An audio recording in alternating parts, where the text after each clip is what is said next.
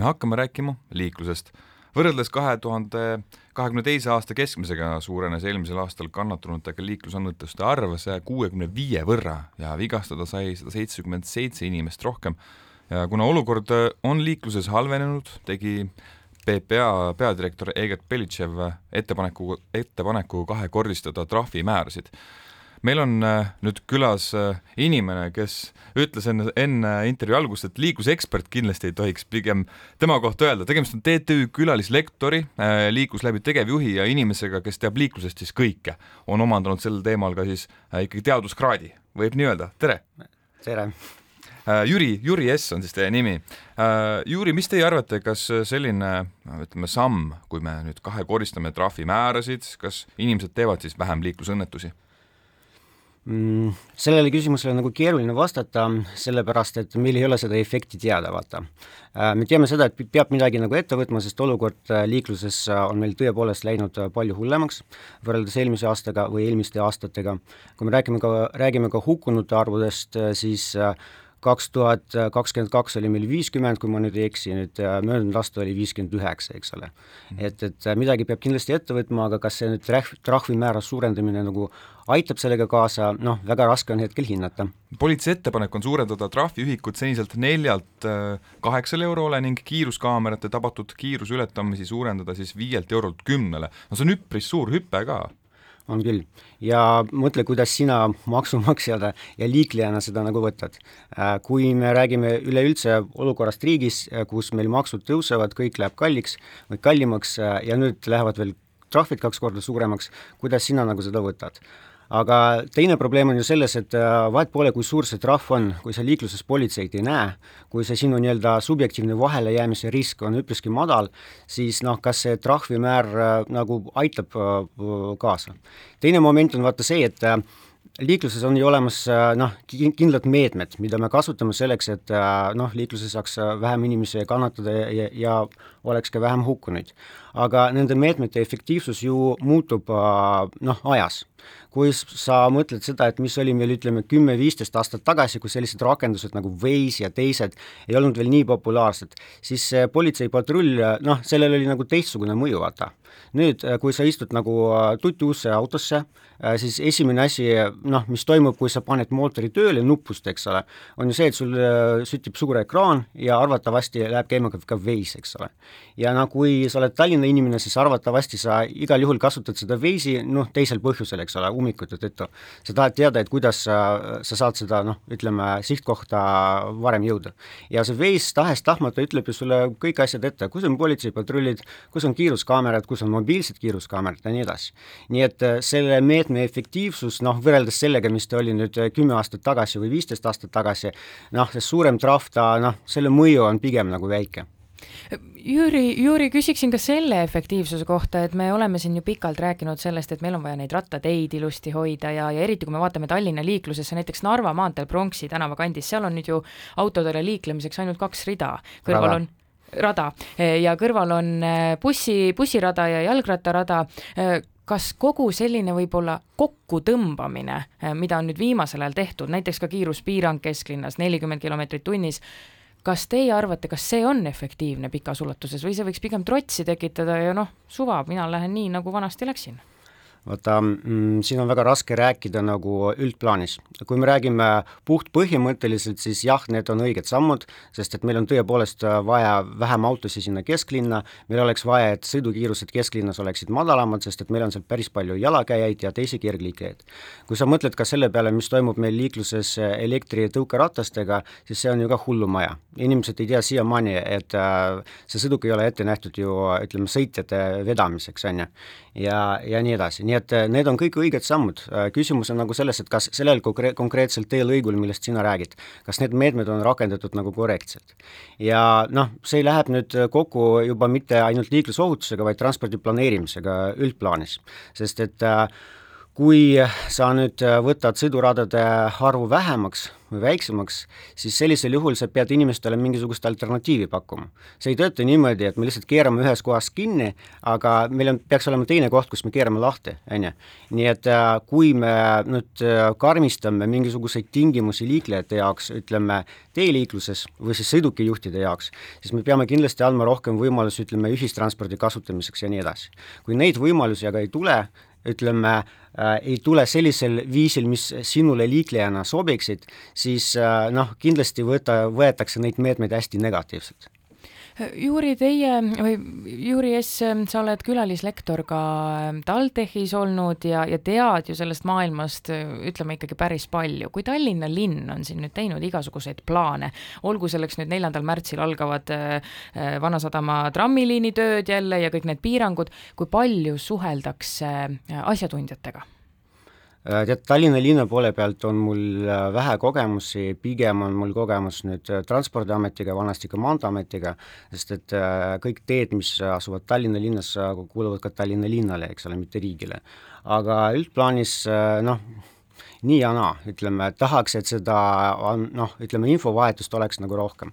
sest meil tõepoolest äh, mõnikord toimuvad igasugused ümarlauad, kus kutsutakse erinevaid spetsialiste, kui äh, kulutatakse välja uute määruste eelnõusid, mis iganes, siis neid saadetakse nii-öelda noh, äh, kinnitamisringile või siis kooskõlastamisringile ja nii edasi, aga sellist asja, et Tallinna linn pöörduks nüüd ütleme, kõikide Tallinna liiklusspetsialistide poole või siis ülikoolide poole küsimusega, kas meil on mõistlik rajada nüüd uus trammiliin just selles suunas, sellist asja ma ei mäleta, et oleks olnud meil käis siin ennist äh, külas Sebe, siis bussifirma juhatuse liige Mart Raamat ja ta rääkis, et hoolimata sellest, et ta ise töötab bussifirmas ja igapäevaselt tegeleb bussidega, tema, kui sõidab siis näiteks äh, Keila kandist Tartusse, ta peab ikkagi minema autoga. sest et nii on loogilisem, nii on mugavam, vastasel juhul, kui tahaks bussiga sõita, peaks minema Keilast kuidagi rongiga Balti jaama, sealt kuidagiviisi siis bussijaama ja siis bussile alles. ja see on nii suur ajakulu. kas asjad peavadki nii olema, nad, nagu nad praegu on, või on tegelikult, oleks loogiline, kui inimene kuskil näiteks äh, Tallinna noh, külje all elab, siis oleks tal väga mugav selline kuidagi otseühendus bussijaamaga? igal juhul no, peab olema. jah äh,, see on hea küsimus, sest et see on tegelikult üks äh, kuldne reegel, et kui sina liiklejana äh, pead kulutama, ütleme, ühe liikumise peale rohkem kui pool tundi või nelikümmend minutit, siis sa väga suure tõenäosusega hakkad otsima endale alternatiivset varianti, kuidas nagu liigelda, on ju. kui see ühistranspordiühendus ongi selline, nagu sa just praegu kirjeldasid, siis äh, sa väga suure tõenäosusega soetad endale auto ja sa ei arvesta sellega, kui palju see kütus maksab, sa ei arvesta sellega, äh, kui suur tuleb see automaks, aga sa igal juhul proovid vähendada seda ajakulu, mis sul tekib äh, selleks, et äh, liikuda ühest punktist nagu teise äh, mul on tekkinud selline küsimus ka, et ise igapäevaselt, ma tunnistan nüüd üles ja see on täitsa huvitav, et ma pean seda üles tunnistama, ma sõidan autoga. ja aeg-ajalt kasutan ka ühistransporti, aga mul on nagu tekkinud see küsimus, kas inimesed üldse oskavad lugeda liiklusseadust, kas me saame ühtemoodi liiklusseadusest aru? muidugi autokoolis olid küsimused, õpetati midagi, aga kas me täna mõistame liiklus, liiklust samamoodi? Nii, lugupeetud kuulajad, kui te olete arvuti juures, palun äh, tehke oma brauser lahti, minge riigiteate.ee-sse, otsingusse kirjutage kas liiklusseadus või lihtsalt lühend LS, Brita, sa võid proovida, sa oled arvuti taga. ja nüüd tehke see liiklusseadus lahti ja proovige üles otsida reeglid, äh, mis kirjeldavad, kuidas te peate ringristmikel liiklema ei leia selliseid reegleid üles? ei leia, kui ma panen Ctrl F äh, klaviatuuril, siis mul sellist märksõna isegi ei tule. nii, ja teine asi, et äh, okei okay,, ringristmikke on meil hästi palju igal pool. teine asi, et äh, nüüd sa soovid äh, liikluses, ütleme, rada vahetada, ümber reastada äh,, millised reeglid kehtivad, kes kellele teed annab? väga paljud juhid arvavad siiamaani, et teed peab andma see, kes on nii-öelda tagapool, eks ole. kui on kaks sõidukit, mis sõidavad kõrval radadel, eks ole, üks on natuke ees, teine on natuke taga, siis siiamaani arvatakse, et teed peab andma see, kes on taga. aga tegelikult äh, see reegel muutus meil aastas, aastal kaks tuhat üksteist, esimene juuli, ja põhimõtteliselt juba kolmteist aastat me oleme teiste reeglite järgi ja teed annab see, kes äh, soovib sõidurada vahetada. ja kui sa, Brito, proovid nüüd üles, üles otsida või, või siis leida, kus äh, on see reegel kirjas, siis sa väga suure tõenäosusega jääd sellega nagu hätta. Nii et mida ma tahan öelda, Sander, on see, et äh, isegi noh, kuigi meil on formaalselt nagu liiklusseadus olemas äh,, see ei ole inimeste jaoks nagu loetav ja arusaadav vanasti oli meil liikluseeskiri, see oli niisugune lihtsam variant, ütleme, seadusest, kus, või siis õigusaktist, kus olid välja toodud kõik juhile vajalikud asjad, kaasa arvatud näiteks tunnusmärgid ja, ja muud reeglid. ja nüüd on niimoodi, et meil on uus või suur liiklusseadus, mis viitab väga mitmele õigusaktile, määrustele ja nii edasi, ja sina pead siis äh, olema niivõrd nutikas ja, ja siis äh, haritud inimene, et sa, sa suudad sealt nagu midagi üles otsida. või siis teine moment, äh, meil oli siin just TalTechis üks täienduskoolitus õpetajatele, arutasime ka sellist momenti, et äh, nüüd juhtus niimoodi, et sul on vaja äh, vedada autoga väljaulatuvat veast, vaata. ja seadus ütleb meile, et kui see vea, veos ulatub sinu sõiduki gabaritist üle ühe meetri, siis pead tähistama vastava tunnusmärgiga. nüüd proovi see leia üles, kus see tunnusmärk toodud on. tunnusmärk, et yeah. nii äh ma ei oska isegi otsida, ma ütlen seda kohe ausalt välja. no vot et, et selles mõttes, et tunnusmärgist rääkimata, kui ma otsin raskeveos, noh, või mitte raskeveos, vaid väljaulatuv no pärast eetrit ma näitan sulle, kus sa leiad üles, et praegu niimoodi näppude pealt on, on keeruline seletada. aga igal juhul siin on siis üleskutse, ma ei tea, meie riigijuhtidele, et teha liiklusseadus loetavaks kõigile. see võiks olla ju iseenesestmõistetav, et me ikkagi suudame liiklust, liiklusseadust lugeda ei, absoluutselt, see on, vaata, meie kontekstis on see hästi oluline teema, sest et kui me ei jõua või nõuame liiklejatelt midagi, siis need liiklejad peavad väga selgelt aru saama, et mida nendelt nõutakse.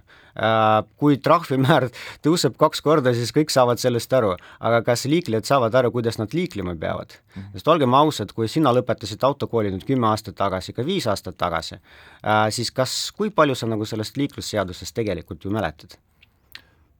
ei, väga ilmselt ei mäleta tõesti, jah no vot. kas ei ole võib-olla, võib-olla niimoodi, et Tallinnas, me oleme ikka sõpradega arutlenud, et Tallinnas liigeldakse loogika järgi, aga võib-olla väiksemates linnades liiklusseaduse järgi, kas, kas sina ei tunneta seda nii, Jüri? Kuule maalt ja hobusega ei, mitte, mitte tingimata seda, aga kuidagi tundub, et see pealinna liiklus võib-olla, võib-olla ka Tartus isegi on oluliselt kiirem, ta on agressiivsem võib-olla ja liiklusseadus on teisejärgulisem. ma olen täitsa nõus jah, et Tallinnas tuleb ikkagi tunnetada seda, kus sa oled, sa pead aru saama, mida sul paarilised siin kõrvalrajal hakkavad tegema, kuidagi pead kas, lugema, lugema märkide pealt. sama tunnet? No tead, mul on raske hinnata, no ma olen Tallinnas sündinud ja elanud ja ma tunnen liiklusseadust ja ikkagi äh, liiklen li reeglite järgi, nii et selles suhtes äh, ei tea, aga lõppkokkuvõttes kindlasti, no see vaata, äh, see keskkond, kus sa liikled, on ju hästi oluline. kujuta ette, et äh, sina oled sellises nagu ideaalses maailmas. sa sõidad oma hea autoga, sul on hea tee, eks ole, liikluskorraldus on selge ja arusaadav ja kõik on nagu korras ja kõik inimesed, kes on ümberringi, on ka samamoodi rahulikud, eks ole, keegi ei kiirusta, keegi kiirust ei ületa, kui on foor kollane, siis äh, sa pidurdad äh, ega ei vaeta gaasi, eks ole. ja nüüd äh, mõtle selle peale, milline oli sinu viimane sõit Tallinna linnas näiteks. Ja vot siit tuleb see, see vahe sisse. Ja meie näeme seda ju ka, et vaata noh, meie tegeleme väga palju nende algajate juhtidega. Ja pärast, kui nemad satuvad nagu liiklusesse kui neil on juba juhtimisõiguseks juhi, juhiluba olemas, siis see keskkond mõjutab äh, kindlasti negatiivselt. sest isegi see, kes äh, sõitis nagu autokooli ajal, ütleme no korralikult, nii nagu me õpetame, on ju, siis äh, pärastpoole ühe-kahe aasta jooksul see käitumine liikluses muutub ja muutub, ütleme, halvema, halvema poole peale transpordi planeerimise doktor ja, ja liiklusläbi juht Juri S, aitäh täna stuudiosse tulemast, oli väga huvitav, igal juhul ootame teid ka teisel päeval. aitäh!